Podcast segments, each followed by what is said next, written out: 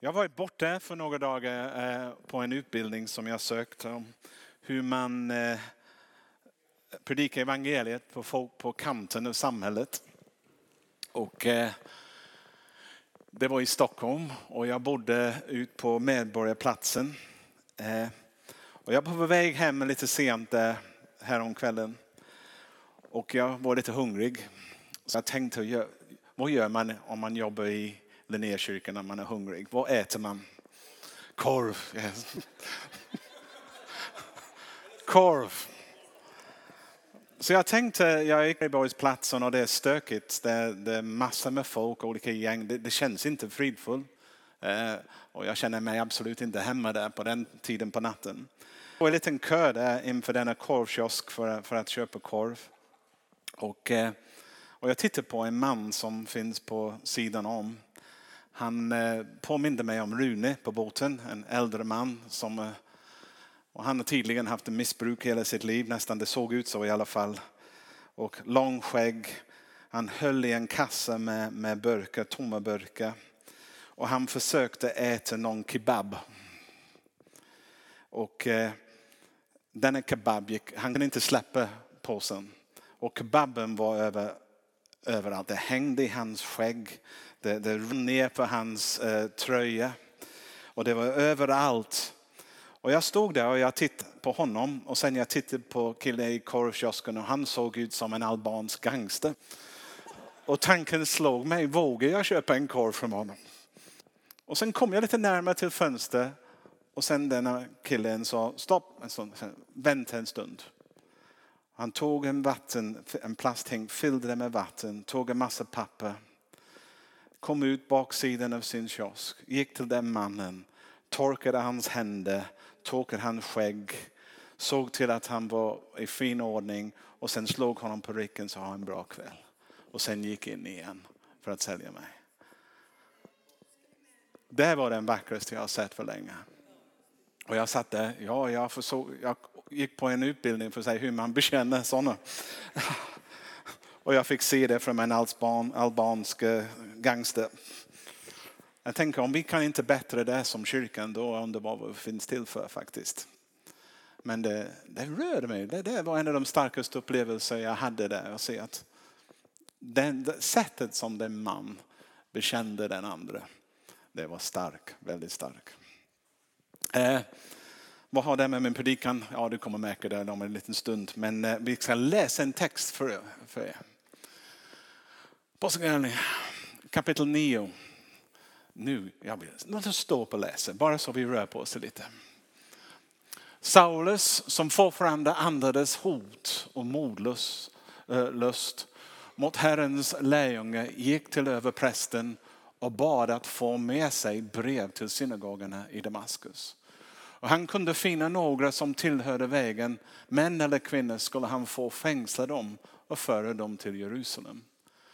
Men när han på sin resa närmade sig Damaskus strålade plötsligt ett ljus från himlen omkring honom.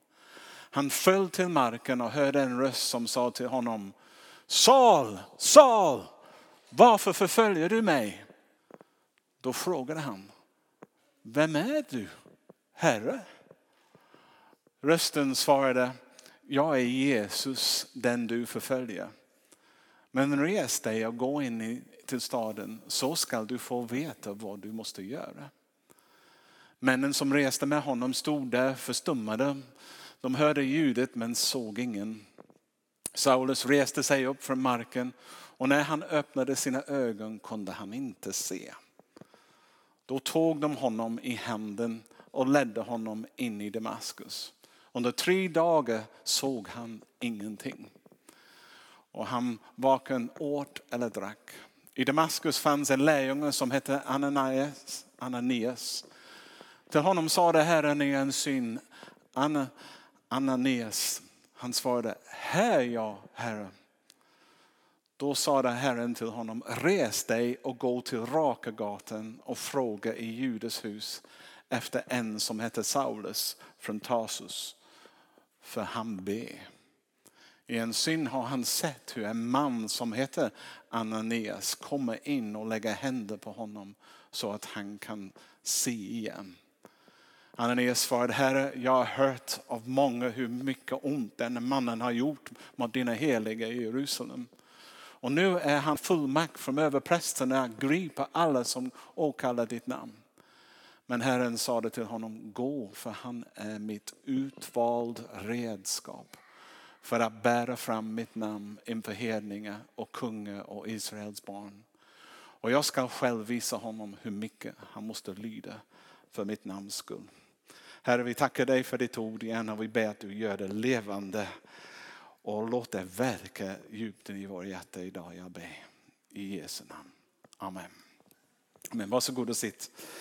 Eh, jag undrar hur många gånger Gud måste skaka på huvudet ibland och tänka varför i hela världen bjöd jag en människa att hjälpa mig med min mission?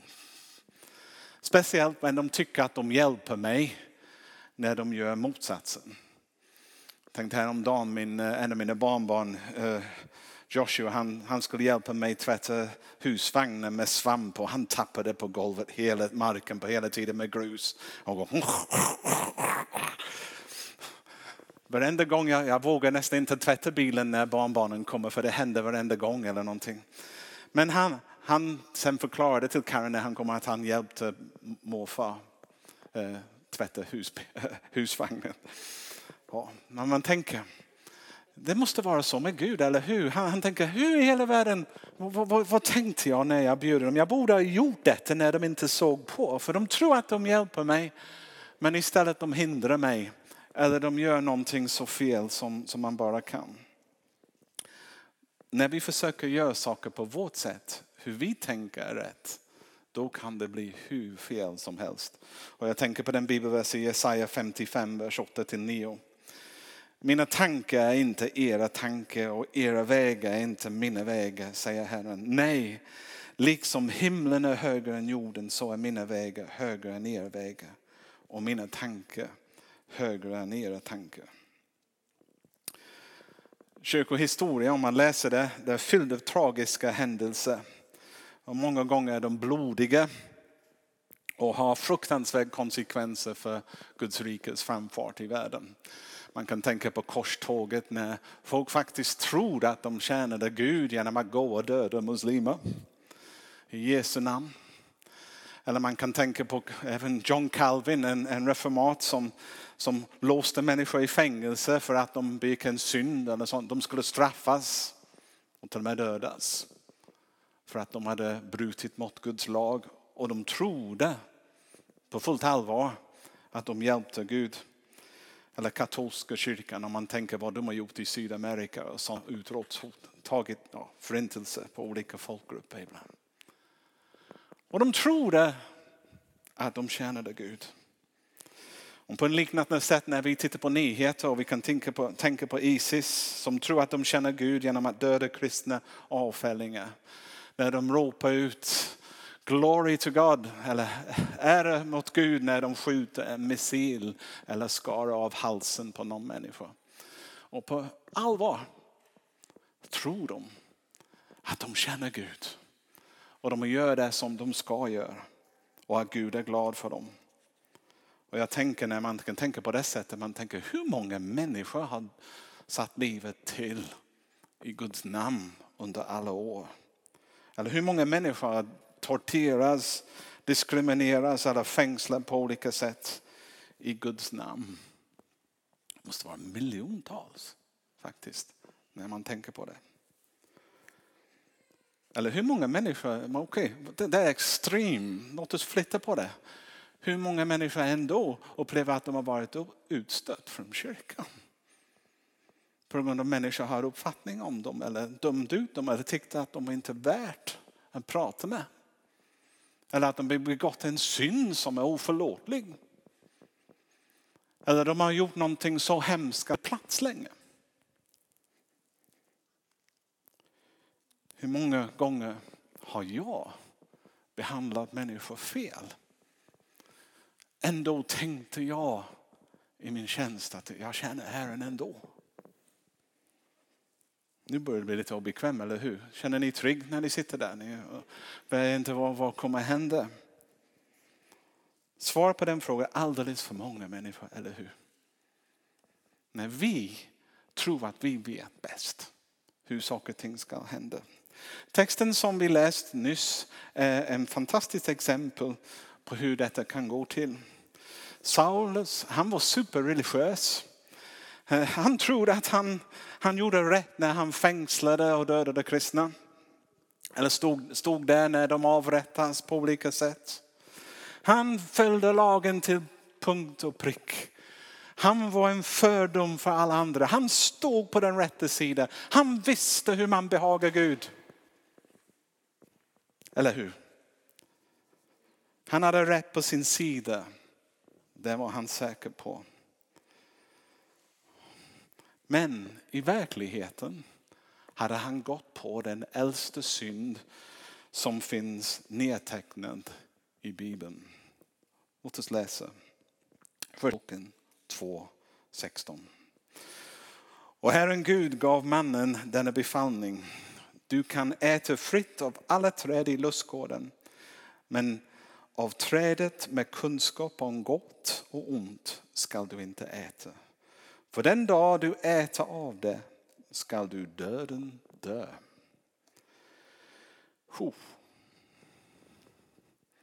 Denna texten eh, tycker jag är spännande. Varje gång jag läser det, det finns en elefant i rummet som ingen knappt vågar säga. De säger, och tanken är ungefär så här, jag tror kanske anar att ni tänker samma. Men vad är hela världen så fel med att döma rätt mellan ont och gott? Är det inte någonting positivt?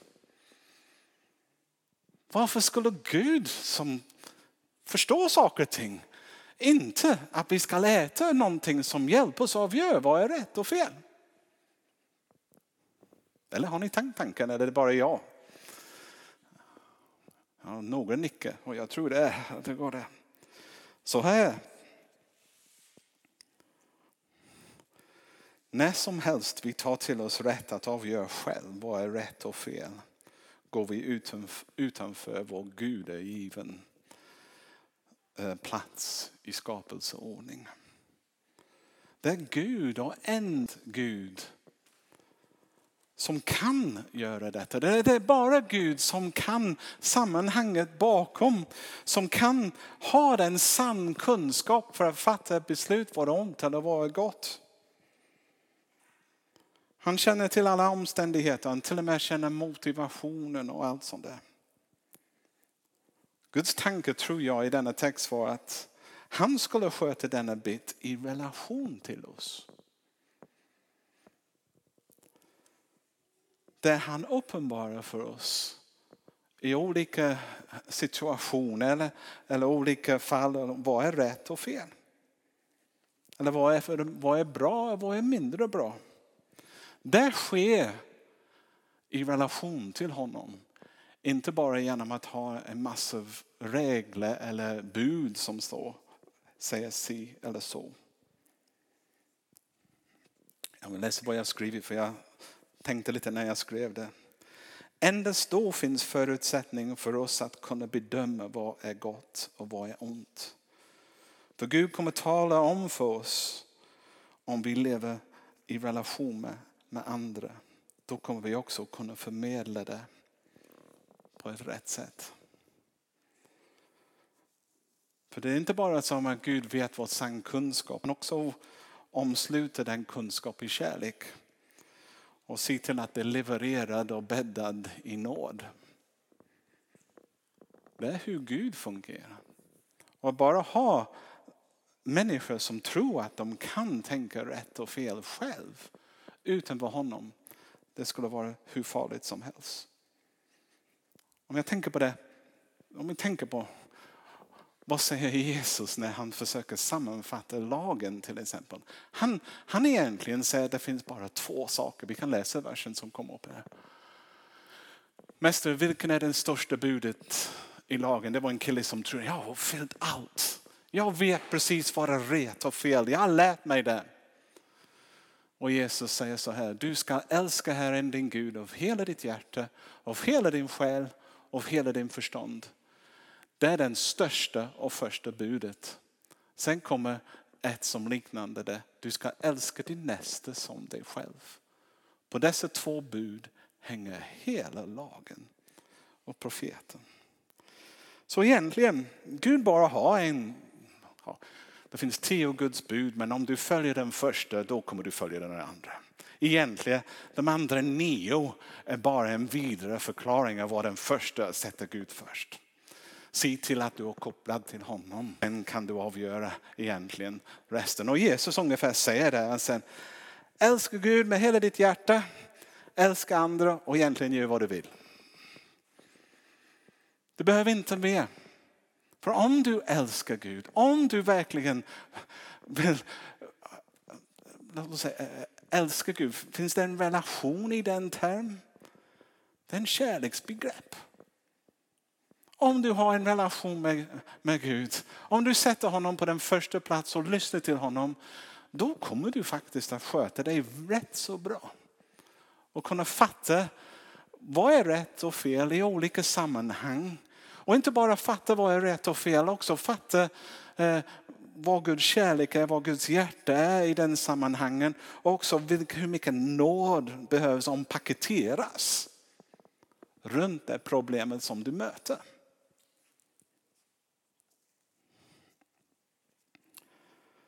Vi är beroende av Guds uppenbarelse för allt. Vi vet inte hur vi ska leva om inte Gud skulle uppenbara det för oss. Och det är därför vi har Guds ord. Guds uppenbara ord. Och det är därför som denna församling vi säger det är vår rättsnöre. Det är det som vi bygger vårt liv på. Vi bygger inte vad är politiskt korrekt just nu eller vad alla tänker i samhället är rätt. Vi säger det är vår Gud. Och det finns en vinst om vi följer det. För han skapade oss och han vet hur vi ska leva. Men mest av allt för att i den här boken uppenbara sättet att vi kan bygga en relation med Gud. Så det är väldigt viktigt. Men även, jag kan tro även nu om jag går ut i min egen förnuft med all min kunskap, som inte är så stort egentligen. Men, men jag, jag, ut, jag kan tänka jag kan fatta förnuftiga beslut om hur jag ska leva mitt kristet liv. Jag är helt korkad om jag tror jag kan fixa livet utan att be Gud att hjälpa mig förstå både min egen sammanhang, vad det är jag är mitt uppe i och, och hur jag navigerar mig genom de här tiderna som inte är så enkelt för någon av oss. Så jag utvecklar lite grann. Vad hade fariséerna gjort? Saulus han var en farisé. Han var en väldigt duktig, en av de bästa av dem. De hade tagit någonting som Gud hade tänkt skulle vara relationell och gjort det till en hel rad regler. Gud hade tänkt att vi ska leva vårt liv i relation till honom, att lyssna till honom, umgås med honom, få del av hans vishet och kunskap. Och det var ganska bra. Men de hade kommit på en idé, men vi kan hoppa över den biten. Vi kan bara skapa massor med regler som definierar vad är rätt och fel, syndakatalogen om man vill kalla det för det. Men om vi följer det, då behagar vi Gud och då är det bra. Och de gjorde det. Det fanns tio Guds bud. De, de ökade det. Jag, tror, jag kan inte komma ihåg riktigt. Var det 60, 63 eller 67 som en farisé hade? Och sen av de 67 de hade vidare förklaring för vad, vad, hur de skulle tillämpas. Så det var hundratals olika regler som de skulle besitta för att kunna navigera sig genom livet. Och de vände det på hela. Deras regler skulle, skulle beskriva vem Gud var. Istället för att låta Gud beskriva själv vem han var och vad han behagade på. De kom på ett sätt att leva rätt, ursäkta mig, rätt. Som var inte beroende av en relation med Gud själv. Bara bocka av lite, lite, lite saker här, ticka lite boxar när man har behagat Gud. Och denna typ av tänkande är förödande. Rakt igenom historien har det varit förödande. Både för de som söker leva efter det som aldrig uppnår det ändå. Men också för själva, vad kan man säga, framförande av någonting som borde vara goda nyheter plötsligt är inte goda nyheter. Det är krav, det är hård, det är bokstäver. Ofta du får en, med en bild av en Gud också bakom det som och du kan döma ut folk. Och så är det fundamentalistiskt, kärlekslöst, dömande. Där man försöker utvidga Guds rike med våld och plikt. Och när kyrkan sysslar med sånt, den sysslar med döden. Det är intressant att Gud var tvungen att göra Saulus blind för att få honom att se. Han hade sin uppfattning.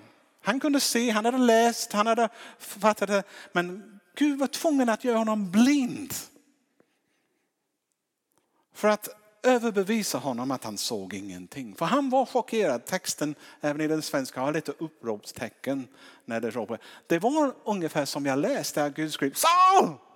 Vad håller du på med? Vad menar du? Jag känner dig. Du var helt ute och cykla. Hur kunde du missa målet så långt som du gör? Du håller på att döda människor. Och sen han är han är blind, han kan inte läsa sina böcker. Han bara tvungen att omvärdera sitt Vad har jag gjort? Vad, vad gick jag fel? Vad, vad, hur tolkade jag någonting? Vad, och han börjar göra någonting. Det står att han börjar be. Och ber Gud, Gud visa mig. Hur kunde jag komma så långt ifrån det som du hade tänkt? Hur kunde jag vara det? Hur kunde jag hamna där jag hamnat? Jag tror vi alla har bett liknande böner ibland. Men det intressanta i denna berättelse är att tack vare att Gud hade en relation med en kille som hette Ananias. Som hörde honom, som hade den relation. Var problemet löst. Men inte innan Ananias kunde säga, men Gud, kan det vara rätt att jag går och hjälper en man som är så fel? Det, har jag verkligen hört dig? För egentligen, det är som är klokt att hålla sig undan sådana människor. Han är livsfarligt. Det är bättre att jag backar och varnar alla andra för honom. Nej, nej, nej, nej. I denna situation är det helt rätt att du går och träffar honom som är helt fel ute. För jag har förberett någonting. Och, den kommer och tack vare den modiga Ananias som vågade gå någonstans fel för att rätta till eh, en mans uppfattning. Då faktiskt fick kyrkan en av sina mest främsta teologer och missionärer. Tack vare att han vågade gå emot det som han trodde var rätt. Eh, och sen Saulus fick den heliga ande. Och sen kom relationen igång. Och det vad hände med en kristen? En kristen egentligen är någon som bjuder in Jesus i sitt liv. Han kommer, den helige ande kommer in och sen uppstår den konversation. Och då, kan det, då försvann Paulus faktiskt några år där. Han var tvungen att bearbeta sin teologi, slänga alla sina uppsatser och skriva nya. Eller för att rätta till det. Så igång. Jag ska, är ni vaken? Är det okej? Okay? Ni hänger med? Den kristna kyrkan har alltid haft en benägenhet att landa i fariseism. Att betona regler och bokstäver framför relationen. Inte nog med detta, tänker jag att vi också tvingar, kyrkan historiskt sett har tvingat sin syndekatalogen på samhället också. Även på dem som inte vet vem Gud är, som inte vill veta vem han är också. De ska följa det också. Annars hajabaja. Ni hedningar. Och man undrar varför kyrkan inte är så attraktiv ibland. För de som är utanför när de ser. Eller de tar till sig hur vi betraktar dem. Det är de där ute som gör det, det, det, det, det, det, det. Som inte, inte är så attraktiva. Och försöker tvinga genom lag och andra grejer att de ska göra det. Jag har faktiskt fått förfrågan flera gånger som pastor. Andrew, jag tror det är dags igen att vi börjar predika syndakatalogen. Men det, jag förstår var frågan kommer ifrån. Det finns en frustration. Allt verkar vara rinner i sanden. Allt som den äldre generationen tog för givet som rätt och fel. Plötsligt den nya generationen gör inte det. De säger rätta till det Andrew.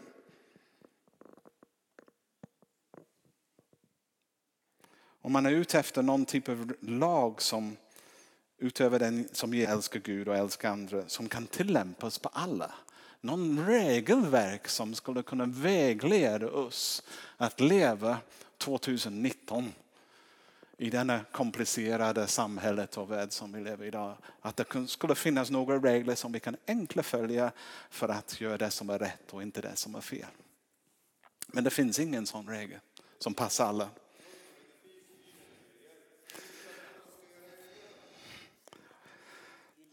Gyllene regler.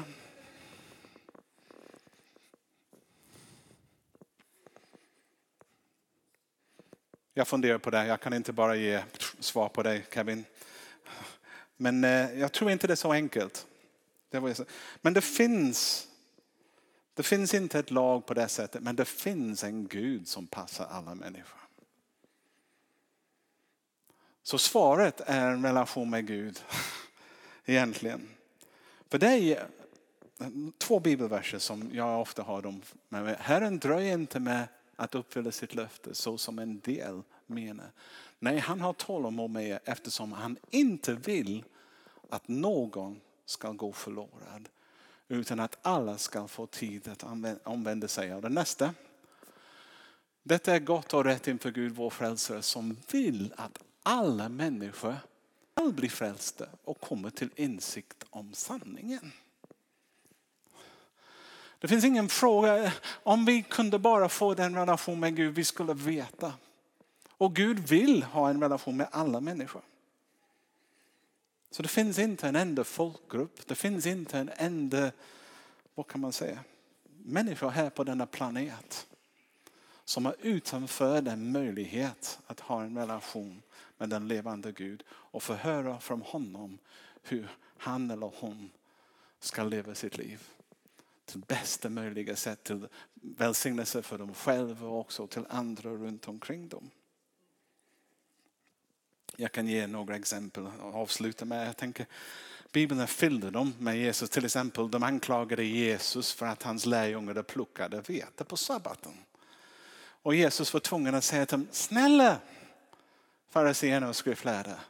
Sabbaten, sabbaten finns för människors skull. Inte människor för sabbaten. Det är inte lagen, regler som är den viktigaste. Den, den, lagen kom bara för att hjälpa människor avsätta tid så att de lyssnar till Gud och tog tid att prioritera Gud. Inte bara slukades upp av arbete och andra. Förstår ni skillnaden? Så det är inte ajabaja du har jobbat på söndag. Det är oh, hallå dig. Att du inte jobbar ihjäl dig. Det finns faktiskt viktiga saker i livet som du måste ha. Nu kommer jag in för hur många, jag pratade med, jag pratade med någon nyligen som, som upplevde sig bortstött från kyrkan. De begick äktenskapsbrott. Och de sa att jag vet att det var hemskt. Så jag ska säga innan jag säger något mer. Om du tänker göra det, gör inte det. Det spelar ingen roll hur lurad du är. Det är inte värt smärtan för dig själv, för de andra människor, för om du är barn involverad eller någonting annat. Det, det är en av de dummaste saker du kan göra. Som har konsekvenser på konsekvenserna. Och är så destruktiv. Så, så jag vill ha det klart för dig. Men denna person som jag pratar med säger, jag har begått en oförlåtlig synd. För, för kyrkan vill inte förlåta mig. Jag, jag märker att folk bara, nej, de vill inte ha något med mig att göra längre. Och sen äktenskap kraschar, de är skilda. Och samma person säger till mig att men nu är det kört. Det finns ingen förlåtelse heller enligt Matteus. Jesus säger att om jag gifter om mig, jag begår äktenskapsbrott med dem och sånt sådär. Och de har de här reglerna som kom upp. Och jag pratar med dem och säger, vi sjöng det första sången vi sjöng. Jag sa så, vad är starkast, lagen eller nåd? Täcker inte nåd och förlåtelse lagen? Är det vissa synder som kan vara förlåtna och andra som inte kan? Har vi en uppdelning? Svara på mig. Äntligen finns det nåd och förlåtelse eller inte finns det, eller? Nåden är överlägsen lagen. Förlåtelse finns till tack vare vad Jesus gjorde. Vad egentligen Jesus säger det är fel och han menar det. Han säger denna brott är enorm. Det är fruktansvärt men jag tar det på mig och jag hänger på korset och hanterar det. Så att ni kan gå fri. Jag kan utveckla sammanhang. Det finns en som har begått det och tänker Gud säger till dem, jag ska inte gifta om dig. Och det kan vara så, ganska sunt faktiskt, om du har gjort det flera gånger. Så att Gud säger, åh, åh, ja, nu, nu, vänta en stund. Du behöver en paus lite tills du har fått ordning på någonting här, annars du bara komma och upprepa. Men jag kommer ge dig nåd att leva som det. Men en annan människa kanske det går lite snabbare och den andra kan tänka, men vem är han? han borde, eller hon borde ta lite time-out också. Varför ska bara jag ta time-out? Och man börjar döma varandra. Vi vet inte sammanhanget. Vi vet inte. Man tänker, vi kan, kan vi sitta här och döma? Ska vi sitta här och döma? Är det vår uppgift? Nej, det är inte det. Och vi har inte den kunskapen, vi har inte den, och om vi inte levererar vår, vår uppfattning heller i en paket av kärlek och bäddat i nåd. Då är det någonting som hårt som slår mot någon och de känner sig nu har jag gjort bort mig, det finns ingen plats för mig i Guds rike längre. Det är inte god, goda nyheter. Evangeliet är goda nyheter för alla. Och den goda nyheten är att det faktiskt finns förlåtelse. Jag kan ge andra exempel. Jag kan tänka på hundratals exempel. Tänk, tänk så här, det kommer inte hända, hoppas jag hade. Tänk om jag befinner mig på en plats som jag skulle inte vara. Den värsta typen av klubb eller någonting. I en svag punkt i min tid. Och jag sitter där. Men plötsligt den helige ande kommer och tar Andrew, vad i hela världen gör du här? Stick härifrån. Och jag börjar bli omskakad och tänker, ja, vad i hela världen gör jag? Jag är helt fel ute här. Så jag börjar gå mot dörren. Och in kommer Ananias på en helig uppdrag och pratar med den gubbe som sitter där som håller på att ta sitt liv. Och han går förbi mig. Han är kristen. Ananias är på helt rätt plats. Jag är på helt fel plats. Vi befinner oss på samma plats.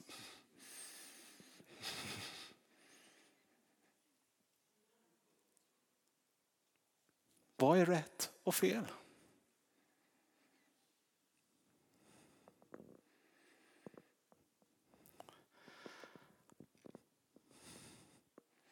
Vi kan se folk göra saker och inte, vi vet inte bakgrund.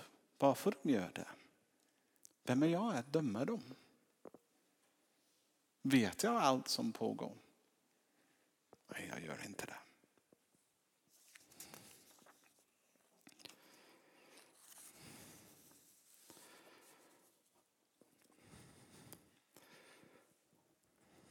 Det finns ingen annat sätt att leva ett kristet liv än i relation till Gud.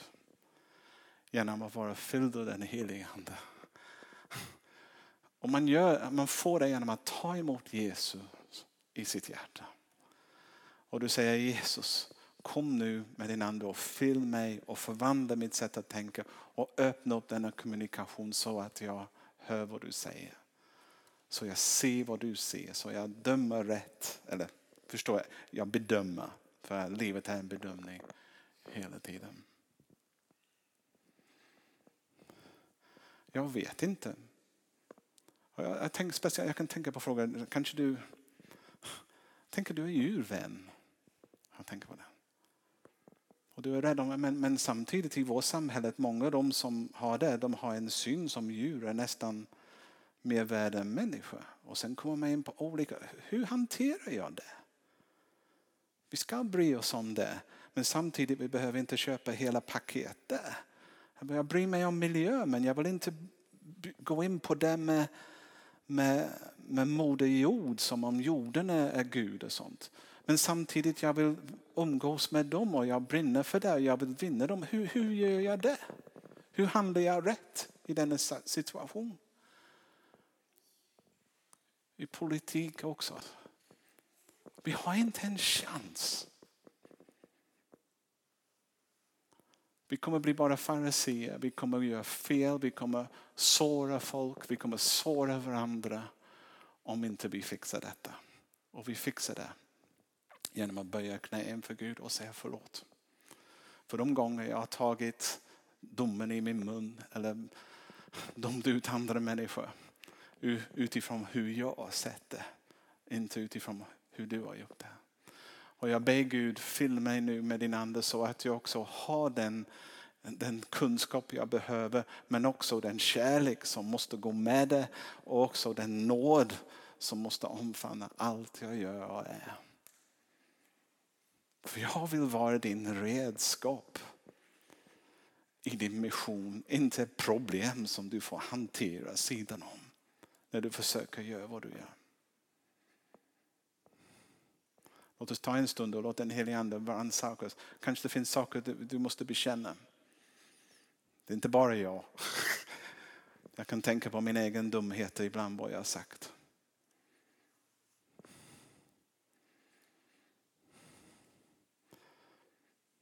Och be förlåt, Gud förlåt oss när vi går efter vad vi tycker är rätt och fel. Förlåt oss när vi bara ta Israels värderingar in och, och gör dem till våra och tro att vi kan döma vad är bra och inte bra för oss själva utan att fråga dig. Jag ber öppna de här kanalerna nu så vi hör dig. Och min bön är att du behöver inte skrika som du gjorde till Saulus utan att vi ska till och med kunna höra det när, det, när du bara viskar det i öronen på oss. I Jesu Kristi namn vi ber det. Amen. Amen. Jag vill också säga till dig om du har inte tagit emot Jesus som din Herre och Frälsare. Det är steg ett. Gör det idag. Om du märker att du hade trodde du var rätt och, och den andra var fel och du, och, och du har dömt ut människor, gå och be om förlåtelse. Låt försoningen äga rum. Och sen när vi möter de människor som finns utanför vår väggar, vi ska vara verkligen fyllda av Guds kärlek och nåd. Och be verkligen att han bevarar oss från oss själva. I Jesu namn. Amen. Amen.